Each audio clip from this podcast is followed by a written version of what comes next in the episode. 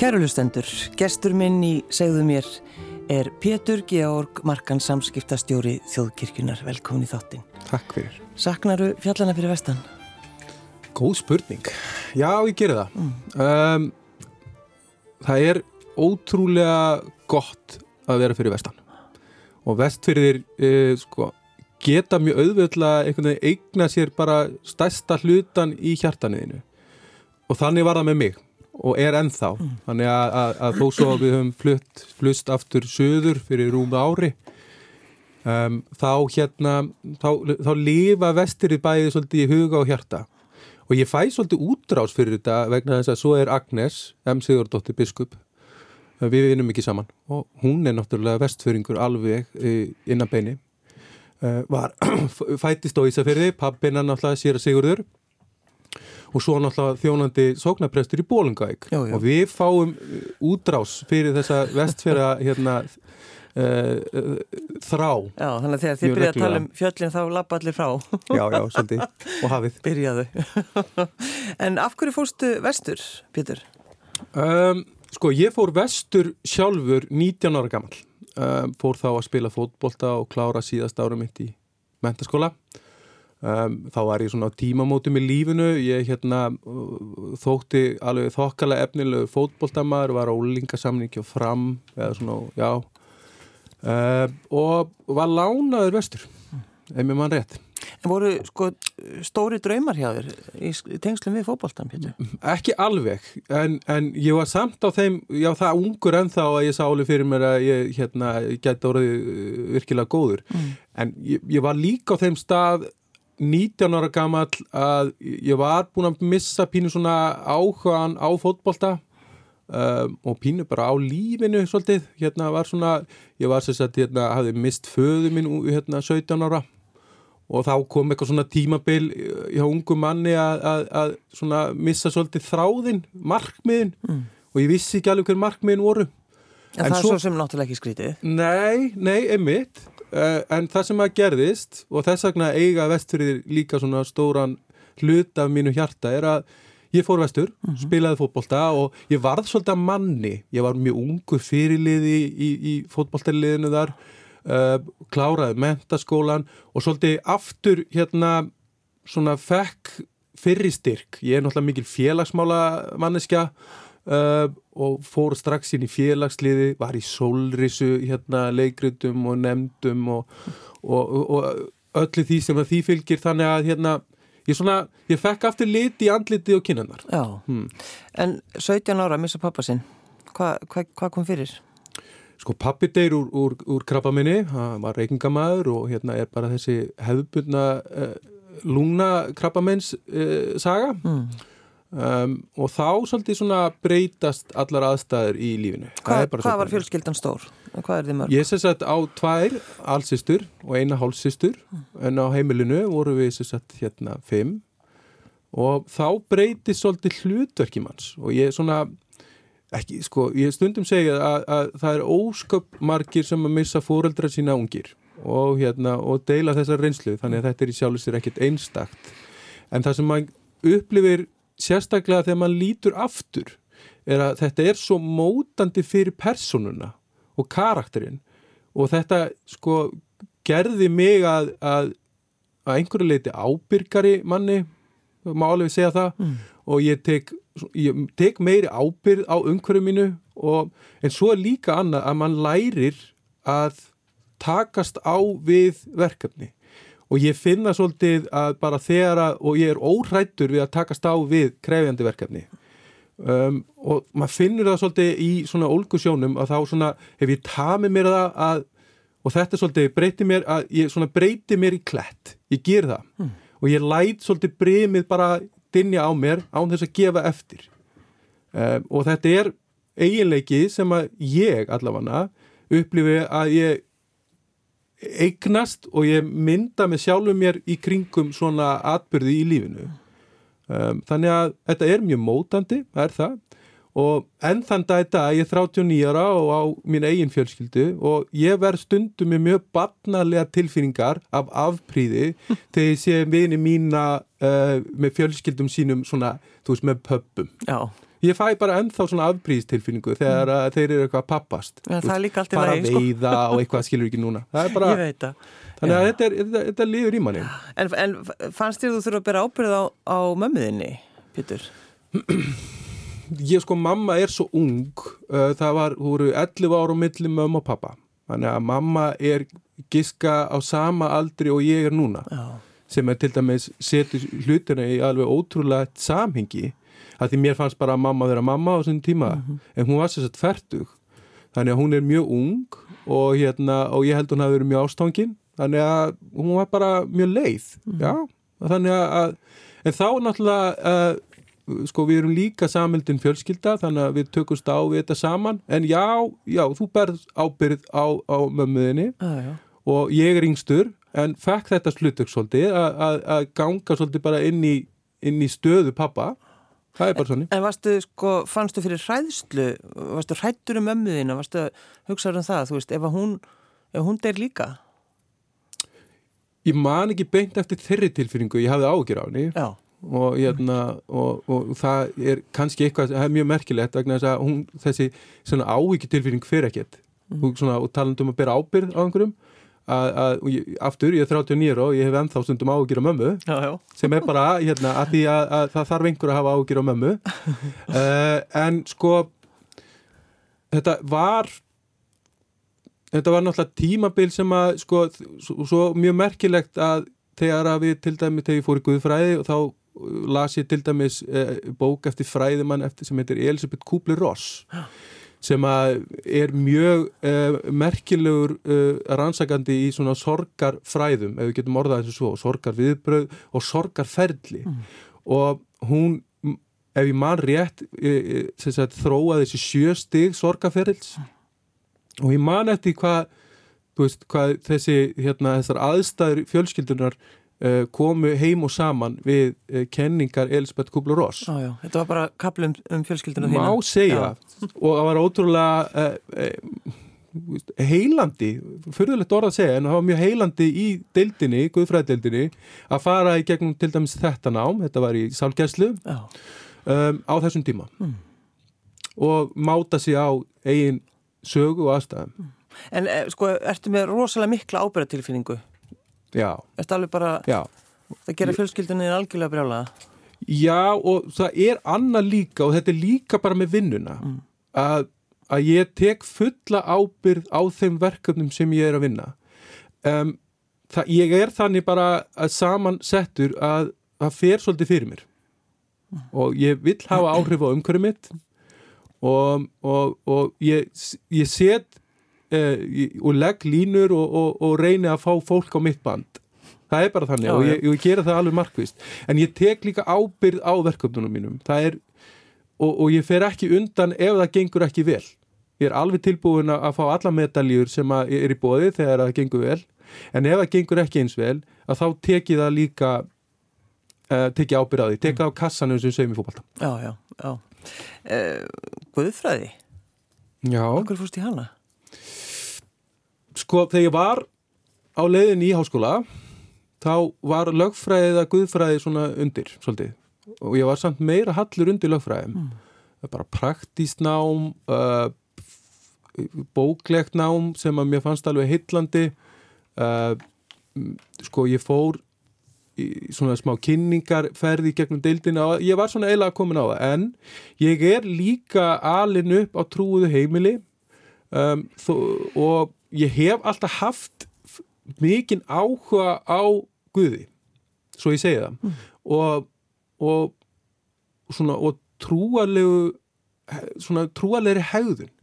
Menningalegri, trúalegri hegðun menningalegri, uh, trúalegri uh, sko listsköpun og bara þannig að ég tók svona skynda ákvörðum eiginlega bara að fara síðan í Guðfræðina og það er eitthvað mesta hilla skrif sem ég tekið uh, þó svo ég hafi í raun og veru aldrei ætlað mér að vera prestur Mm.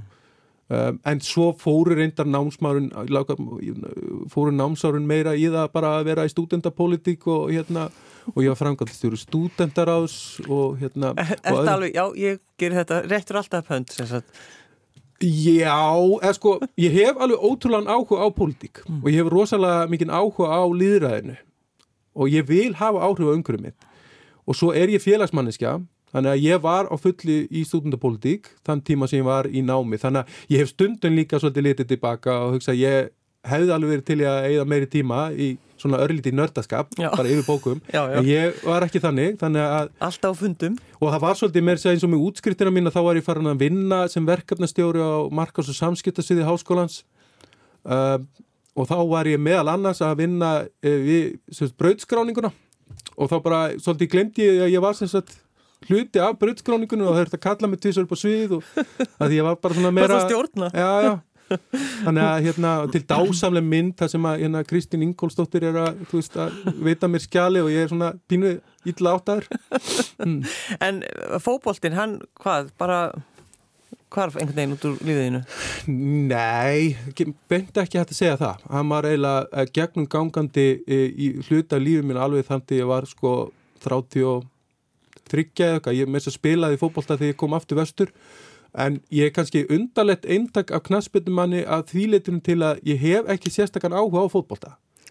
og eftir því sem ég var eldri til dæmis í fótboltan þá var þetta meira vinnan mín. Svo það sé bara sagt. Já, en er, þetta ekki, er það ekki erfitt að hafa ekki áhuga á fótbolta eða þú ert að... Jó, og einhverju leiti kannski er það útskýring á því að ég var ekki betri. Hérna. Kannski.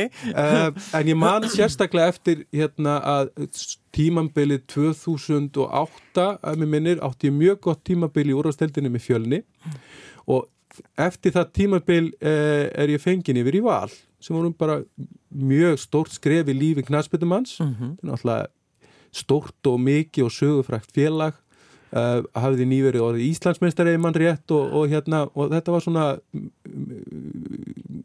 já þetta var svona mikill atbyrður í, í, í lífi knassbyttumanns Já, já. og nú átti þetta allt að gerast.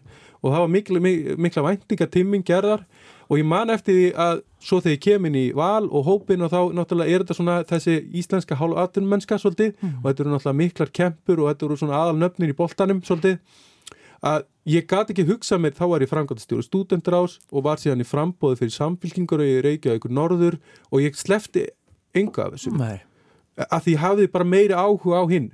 Og þetta náttúrulega hafði áhrif á náttúrulega þetta tímabil sem voru og ég var svona allt í lægi en þarna áttaði mér líka svolítið á því hver, sko, hvað skipti mér máli. Og ég var bara einfallega ekki tilbúin að, að, að hætta því þannig að, en svo fannst mér alveg og ég menna sá sem spilar fótbolta fyrir fullri stúka fólki og hérna, og Sigur Akáur í frostskólinu hérna, hann hefur ekki lifað ef hann hefur ekki gert það Nei, nei, það er bara þannig. Hver er konaðinn, Pétur Georg Markan? Kona mín er Margrét Lilja Vilmundadóttir og hérna, og við eigum saman tvö börn, þrjú börn við eigum þrjú börn Þetta var aðeinslegt Þetta var geggjað. Það er bara, nú er það sófinn tvo dagir við Hérna, við eigum þess að þrjú börn vegna þess að við eignust Úi Marju uh, fyrir tveimur árum. Já. Er það svo sem þú glemtir? Já, það var svo sem ég glemdi ég veit ekki hvernig er hægt að gleyma Úi Marju vegna þess að hún er tveggjara og hérna, þegar maður er tveggjara þá á maður heiminn pínu. Jú, jú. það er bara þannig og hérna skuldlaust. Uh, en svo á ég meiri segja, sko, ég segi að ég eigi fjöguböld Mm. vegna þess að hann flóki hrapp er 18 ára, býr fyrir vestan og þann er sagt, sko strákurinn hennar sýstuminnar miðjusýstirinn, Karlotta Dúa og ég og mamma komum mjög mikið að hans uh, uppeldi alveg upp úr þannig að ég kalla hann bara strákið minn svolítið Já. þannig að hérna þannig að þau eru eiginlega fjögur Mm. þannig að, og, já, ríkur af því litinu Já. Og hvað gerir konaðinn? Kona mín sagt er að klára núna uh, embættisgengi í Guðfræði, hún ætlar að vera perstur. Og kynntust þið í háskólanum? já, kynntist í deildinni. Kynntist í Guðfræði. Þannig að, og svo er hún að vinna í Víðistæðakirkju meðfram. Og hérna, þannig að það er það sem hún gerir og, og þannig að ég verð prestfrú. Já, til hann ekki með það. og í bara, ég held að það sé mjög uh, svo í sletti, ég held sé mjög næs Já. að vera presttrú eða prestherra, ég Já. veit ekki við kallaði það bara fyrir eitthvað það hérna og, og bara þannig að við sko erum svolítið í dag eru svona kirkjunarmál svolítið umræðu vettvangur uh, í eldurspori Já. bara er þannig svolítið Hún er, er það ekki, er hún ekki að skrifa einhverja loka rittgerð? Heyrðu, hún er að skrifa alveg ótrúlega merkilega rittgerð sem að kallast rannsóknarrittgerð, uh, er þá í raunum verið að vinna með uh, profesori um intersex og það er alveg ótrúlega áhugavert um, málefni. Ég sjálfur hafi vissulega hýrt hugtakið intersex mm. og hérna, og, en ég áttaði mig aldrei á hversu, uh, hversu falið um, fyrirbæri þetta er í, í samfélaginu, hversu margir e, skilgreina sem intersex og hversu mikil áhrif þetta hefur á einstaklingana. Mm. alveg ótrúleg. Og það er mjög stutt síðan ég ætla nú ekki að stela þrjuminu á hennu millu, hún þýrti bara helst að koma einhvern tímann og segja ykkur frá þessu en sko hvaða er hvaða er falið í samfélaginu að tala um nákvæmlega þennan sko svo, svo eðlilega hlut? Þannig að þú kemur inn í heiminn og, og ert begja kynja. Mismikið og þetta er alls konar byrtingamindir en þú ert begja kynja og þar að leiðandi þartu náttúrulega glíma við það. Mm. Mm. þannig að þetta er, þetta er mjög áhugavert og það sem er að gerast er að, að, er að umræðan er að opnast. Við erum að fara að tala um hlutin. Þannig að, að og það sem gerist þegar við tölum um hlutina er að við förum að viðkynna þá. Sem er sannilega það mikilvægasta sem við manneskjur þurfum uh, í lifanda lífi, viðurkenning mm. viðurkenning á því sem við erum jú, jú. þannig að, að þetta er mjög áhugavert En sko ykkur leiði vel uh, fyrir vestan mm -hmm. og bara uh, þú varst ekkit endilega á leiðinni út er það nokkuð? Nei, nei, nei sko, En af hverju ákast að hætta? Sko við vorum búin að taka eitt kjörtíðanbill og ég sem sveitastöri í, í eitt kjörtíðanbill og, og, og það var búin að ganga mjög vel samhlið að því var ég Eh, formaði fjórðumsambansins sem eru eh, sveitafjörlög á vesturðum uh -huh. og síðan var ég búin að stopna Sagt, uh, ég leiti þá vinnu sem var sagt, samrunni fjórumsambansins og afturnuturfélags vestfjara og úr var vesturástóða sem er bara starfandi í dag og glæsilegt fyrirbæri og mjög ánægð með það. Þannig að á þeim tímapunkt er ég bæði formaður vesturástóðu, fjórumsambansins og síðan sveitastjóri mm. og bara ótrúlega mikil dýnamík og mikil uppgangur.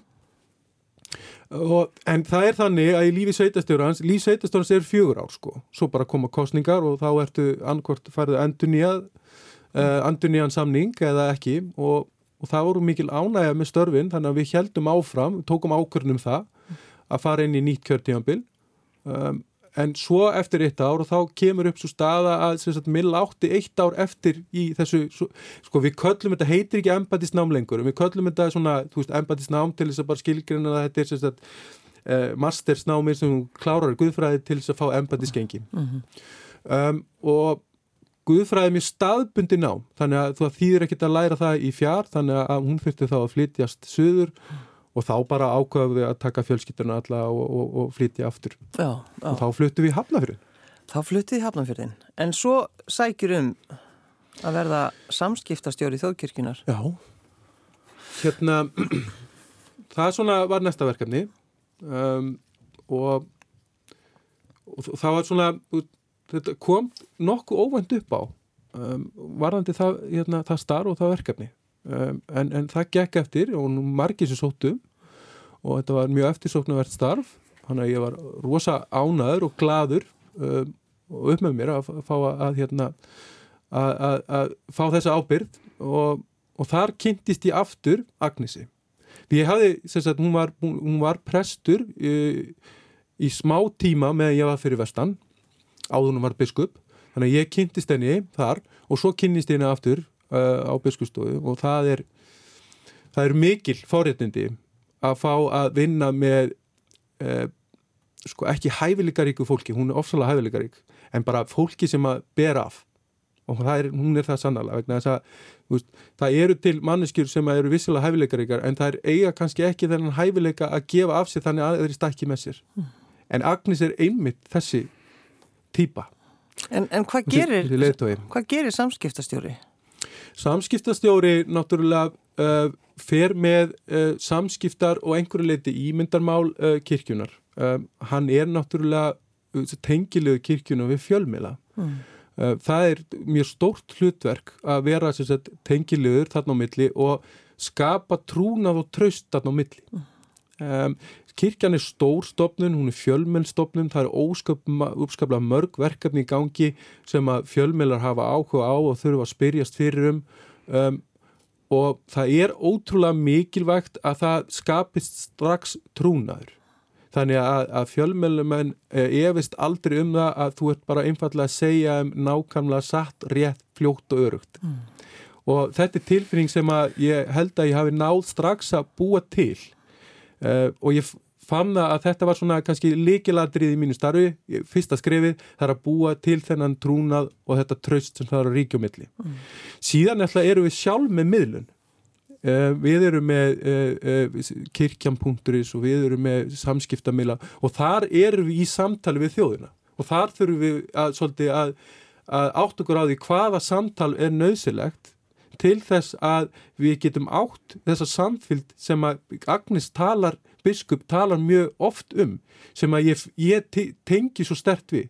Hún hefur sagt þetta rosalega oft að það skipta ekki öllu máli hvert samband kirkjuna við ríkið er. En samband við þjóðina og samfylg með þjóðinni skipta hana meiru máli. Mm. Og þetta samband til dæmis verður til í gegnum miðla og þau samskipti. Það eru margir búin að segja þessi úr þjórnkirkini síðustu daga. Sko, það hafa... Einhvers, uh, einhvers slatti sá ég. Já, uh, við erum svo sem ekki með tölur yfir það.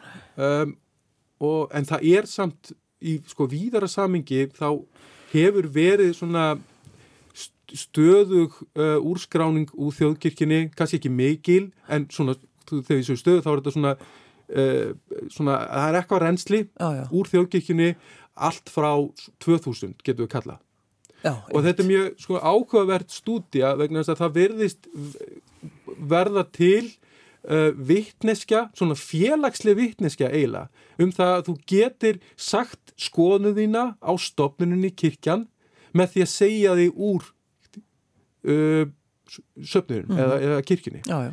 og þetta verður svona vittneskja sem að síðan, veist, gengur svolítið bara upp millir árana þannig að þegar þú ert ósáttur og ósátt uh, við kirkjuna þá segir þið úr kirkjunni. Mm. Ég segi þetta vegna að það er ósköp mikilvægt að gera greinamind á, greinamind á trúar lífi og aðilda kirkju. Því það verði stundum sko flökta svolítið uh, þessi sko umræða um það hvað er Íslands trúarlíf og hvernig þróast það og hvað er sérsagt úrsagnir og ískráningar í kirkjuna. Uh, ég sé ekki öðruvísi umhverfið mitt en að landin sé nokkuð trúaður. Andlega þengjandi og hann er að skoða alls konar valkosti í því. Mm -hmm. já, já, uh, við förum í sólir jóka uh, og við erum að skoða alls konar tengingar við andansmál um, og þetta Vi, við erum er, alltaf einhvern veginn að leita einhverju, er eitthvað. En við getum, erum hins vegar líka að glíma við það að, að sko stundum er fólk sátt við stopnuna og stundum ekki sátt og þá koma ískráningar og úrskráningar. Þetta er svolítið það sem við þurfum svolítið að, að greina þegar við erum að ræða þessi mál. Auðvitað viljum við sem stopnun vera með sem flesta skráða. Það er bara svo augljós uh, agenda hjá okkur uh, og við viljum þjónusta allt þetta fólk mjög vel. Um, en við meðum ekki samt ganga út frá því að fólk sé að ganga af trunni. Nei, nei. Uh, við þurfum þá bara að gera betur í stjórnsýslu kirkjunar og við höfum að gera betur þegar það kemur að samtali við þjóðina, við þurfum að taka betri ákvarðanir í kirkjunni til þess að, að eiga það samtal. Það búið að, er ekki búið svolítið, hvað ég segja, fjör að vera samskipsta stjórið til þó kirkjunar stíðstu daga? Jú, krefjandi, mjög krefjandi en, en, en ekkit leiðilegt. Nei, alls, alls ekki. Einmitt, ekki. Og ég hef sagt að sko, það er mjög gott að finna það að fólki er ekki sama um kirkjuna. Nei. það er kannski bara útgangspunktur sem ég, ég, ég, ég nýti mér svolítið. Mm. það er mjög gott að finna það að þjóðin hefur skoðun á kirkjunu en þá og lætur henni ljós og tjáir sig. Annað sem mér finnst mjög gott að sjá og heyra að landin er að yfka guðfræð það er heilmikil guðfræð fólkin í því að setja frá sér ritaðan texta um guðsmynd um kristmynd og hvernig Jésu byrtist þeim og hvernig hann þarf að byrtast öðrum. Alveg sama hvort við séum sammálað og ósamála. þannig að, að landsminn yfki guðfræði þykir mér bara Já, mjög, mjög þú, gott þú ert rosa ánæðið með þetta. já sko mér er ánægð með það Já, já. en ég viðkenni líka að, að, að sko mér er ekkert sko mér þykir það leiðilegt að upplöða að fólki sárni En uh, varstu búin að búast við því, Pétur? já, sko, já Það að einhverju er leyti. það ekki, það hlýtur sko, að vera. við, við vissum það að hérna, þetta myndi kalla fram alls konar viðbröð Já. já, ég átti von á því að fólk er því mjög ánægt og ég átti alveg von á því að einhverju er því ekki eins ánæður um, en það að þetta hafi orðið svona, já, mikill kvallur nei, ég átti ekki von á því. En það, er alveg bara einlagt svar, nei, ég átti ekki von á því. En þá náttúrulega þarf maður bara að sko að sko vinna með aðstæðanar eins og þar eru og það er eitt sem er ótrúlega gott og nöðsilegt, það er að maður þarf bara að vera heiðalögur og maður þarf að mæta verkefnunum aðrilaus og sleppa því þá að sko belgja sér svolítið út af hróka heldur bara þetta eru aðstæðnar og maður þarf svolítið að taka þessi skilaboð frá fólkinu maður þarf að vinna úr þeim og veist, gera það besta úr stöðunni. En sko, þegar að koma svona, fólk er að skrifa greinar og, og tala um biskupinn og það eru alls konar, það eru svona rosalegar setningar. Það eru, Já. þú veist, langar, ertu, sko, viltu svara þeim, ertu, verður þú brjálaður? sko, ég er með sko, mjög einfalda rittstefnu þegar kemur á Facebook. Um, um, við, sko, við erum ekki í orðaskaki uh, um guðfræði eða annað. Það er að við erum ekki að, að rökraða beint á þeim vettvangi heldur bara leifum fólki að tjá sig og, og setja fram sína meiningar og guðfræði En þegar þeir eru svona, kannski svona ansir, sko, hressilega, uh, ég bara segi, ef að segja anstíkilegar. sko ég, ég set mörkin það sem er, þú veist, bara persónlegt nýð Já, og haturspóstur og haturs Er þið búin, fá- það er þið ekki. búin að fá fullt af hattuspóstum? Nei, Eitthvað. en sko ég segi líka, ég er náttúrulega á þá reynslu að vera sveitastjóri utan á landi þar sem til dæmis er útildu byggakoti og þegar mann er búin að setja alveg fundi með trilluköllum að ræða byggakota og byggakota útlutunarreglur þá er maður svolítið búin að, að sko, þú veist, ekki brinja sig mann bara, þú veist, það er fólk notar mismunandi hugtök og orð og tjái sig með mismunandi hætti og stundu bara með grófum hætti án þess að það þurfa að vera sko, eitthvað mjög niðrandi mm. og bara maður þurfa að taka það alveg inn að beini ég mann sérstaklega eftir einum fundi sem ég þótti svo vendum að ég sagt er með ættanafni Markan Já. og það er svona, veist, svona, það er ákveðin skilgreininga á svona fimmur á brandra að hérna ef að fólk er mjög fljótt að kveikja ekkert að markan Já, þá svona hefur það ákveðin ákveðina tegund og húmor sem já. meðist bara allir læð þeir náðu því fyrir vestan? kveikja fólk en og svo var ég ein, sko við kallaði sjálfsmarkan í fótboltunum og í bæði skipti voru mjög verðskuldið og hérna en svo var ég á þessum fundi þetta var svona hita fundur þetta var hérna útlutunarreglur um byggakota og, og hérna trillukallar svona hérna að- svona bara láta mann svolítið heyra það. Já. og þá stóð einn upp og kallaði mig takmarkan. Og ég man mér að þetta er svo hræðilega fyndið og finnst enn fyndið.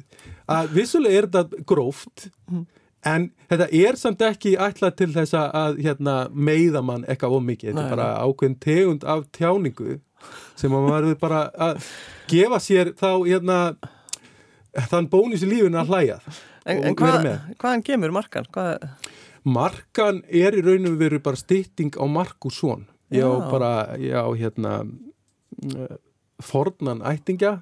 Já, sem sagt, hérna, þetta er svona aftur í sögunni átti ég skildminni sem að var að hérna nema í Þýskalandi í maður rétt og var Markusson.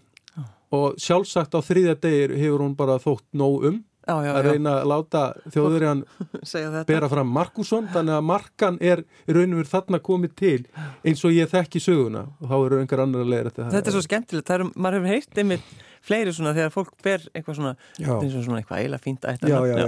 Það er bara eitthvað svo svona, bara að ég nenni ekki eitt já, já, já, já, já. svo náttúrulega að því hérna uh, sýstir afa er Marja Markan Já, já, og þá verður Markanafni kannski svona household mm, fyrirbæri á Íslandi þannig að það þekkja rosa margir ákveðni kynslu allavega margir. Marja Markan, það sjálfsögðu.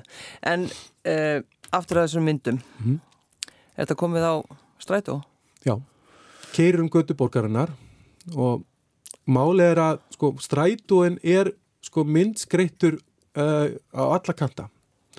Uh, ótrúlega fallegu myndefni uh, sem að um, myndlistakonan Lára Garðarsdóttir uh, bjóð til og hannaði eða skapaði. Og þar sjáum við til dæmis uh, foreldra að bera fram barn til skýrnar, við sjáum sko, uh, svona megin þunga á, á umhverfi og náttúru. Uh, og svo sjáum við Jésu og þarna er Jésu borin fram í þetta samingi með skeggrót og brjóst Mm. um, og, og það er nákvæmlega svo framsetning sem að um, kallar fram þessa umræðu að því ég hef sagt að sko í, í heildar samingi strætisvagnins strætisvagnins Mm.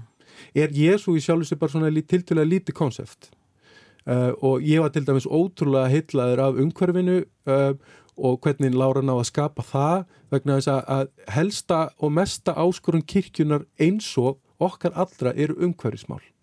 Það er sennilega svarið eða það er spurningin sem við erum ekki alveg búin að finna svarið við þannig að við snúum uh, þeirri neikværu þróun sem er ásist að við. Mm. Þetta er stærsta spurning samtímans. Þannig að strætóin er umvafin náttúru til þess að minna það að kirkjan er í umhverfisvend og er liðsmaður í þeirri baróttu.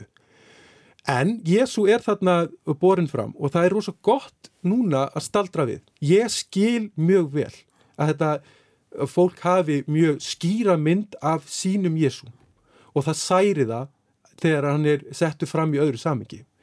Um, og ég, maður verður að bera virðingu fyrir því og maður verður að taka mið af þeirri skoðun og en til að setja það í samingi þá í Guðfræðinu tölum við oft um sagt, hinn sögulega Jésu sem að í biblíunni er karlmaður og hann er á þrítugsaldurinn og hann var gekkum uh, kendi krossvestur, dáin og grafin einhvern veginn svona. Já. steigu upp og við erum síðan með krist trúarinnar. Og kristur trúarinnar er síðan tólkaður í gegnum kirkjusöguna margskonar til dæmis það, svo tólkun á kristi sem hefur haft mest áhrif á mig er Homeless Jesus eftir kanadískan listamann og hann hefur farið um heiminn í margar kirkjur. Og hvað sjáum við? Við sjáum mann liggjand á grúfu á bekk hann er undir svona smá teppi og hann er alveg bugaður. Já, hann er auðmygtur, hann er afskiptur og hann er engin siguvegari hann er úrrak samfélagsins Er hann, kandískur Já. Já. þetta heitir Homeless Jesus Já. og þarna berum við Jésu fram í þessu samengi vegna þess að Jésu er heimilislausi maður. Og hvað ætlar að setja þetta á marga strætó eða hvernig verður þetta? sko, þetta er á einum strætó Já. og svo heldur náttúrulega þessi kynningaferð eitthvað áfram. Þannig að þetta á öruglettur eitthvað að breytast vegna þess að okkur finnst mikilvægt að þó svo að Jésu sé settur fram í þessu samingi í núna, þá getur hann breyst. Skulum ekki gleyma því að Kristur trúarinnar, hann þarf að vera umhverfis í umhverfisvend núna. Það er sannlega helsta áskorun. Þannig að það er aldrei að vita að Kristur byrtist síðan sem uh, liðsmaður í þeirri baróttu. Ég hef stundum sagt, uh, hvernig var þetta til? Hvernig var Jésu til svona? Um, ég held að maður sé summa þeirra samtala og samskipta sem hann á dagstala. Maður er svolítið, bara, maður er summan af fólkinu kringum sig. Og það vill svo til að heima er mikið talað um intersex. Og kona mín er á, náttúrulega bara á fullu í sinni ritgerð og hérna og, og pælir í þessu út og einn og við eigum þetta samtal reglulega. Að ég hugsa að, að Jésu hafi á mörguleiti orðið til í þessari mynd sem summa af því samtali að einhverju leiti Já, já. og ég, ekki það, ég, sko, það og ég þetta er algjörlega ómeðvitað uh, að því það er ákveðavert að, að sumir sjá trans Jésu ég reyndar er á þeirri línu og aftur ég vil undistrykka, það, það er einhverju sem kannski finnst þetta stuðandi og mér finnst það leðilegt eða það er særandi. En ég, mér finnst ekkit að því að bera fram trans Jésu mm. og Jésu er trans fyrir þann sem er trans og upplifir veist, e, trúna og þarf að finna um vefjandi faðum Krist í aðstæðan þá er Jésu trans. En sko þarna voru við ekki sérstaklega að teikna trans það, ekki, það er ekki skýrskotinin og í raun og veri eru við bara að teikna Jésu uh, með brjóst og skegg. Mm. og svo bara hérna, heldur svo umræða Svo sjáum við bara til. Ég held líka eitt sem að hérna, að ég, ég, ég ber mikla virðingu fyrir því að það séu aðrar meiningar þarna úti og er þurfa að heyrast og það eru kannski öðruvísi. Mm. en það sem ég skil ekki alveg sjálfur er að fólk hafi einhverjar ágjur að því að þetta sé barnafni þar er ég ekki samála því hvað er að því að tala um barn og tala við börn um fjölbreytileika samfélagsins ef þú átt einhvern tíman tækifari að hafa áhrif á mótunar ár bass til að segja því að samfélagi sé alls konar og það sé fjölbreytt og við séum öll jöfn undir Guði. Ef við getum bara komið þeirri setningu að, ef við getum bara komið þeim einstaklingi til þannig mótunar ára að hann gangi með þessa vissu í brjósti, mag og huga að við séum jöfn og það skiptir ekki máli hvort að við séum uh, trans, uh, gagkineið eða bara allur ringurinn. Þá erum við búin að ná miklum árangri með sunnudagskóla. Þannig það er allt í lagi eiga þetta samtal við börn. Pétur Georg Markan, samskipta stjórið Þókirkjunar. Takk fyrir að koma. Takk fyrir að bjóða mér. When we out together Dancing cheek to cheek Oh, I'd love to climb to mountain Reach the highest peak but it doesn't thrill me half as much as dancing cheek to cheek. I'd love to go out fishing in a river or a creek, but I don't enjoy it half as much as dancing cheek to cheek. Now, Mama, dance with me.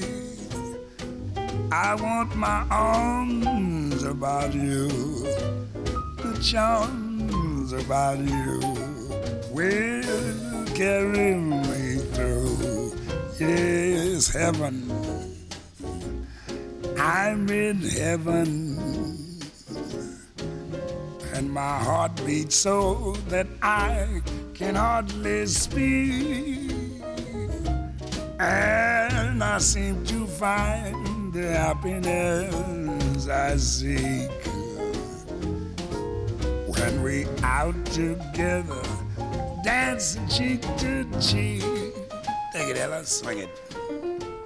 Heaven, I'm in heaven, and my heart beats so that I can hardly speak.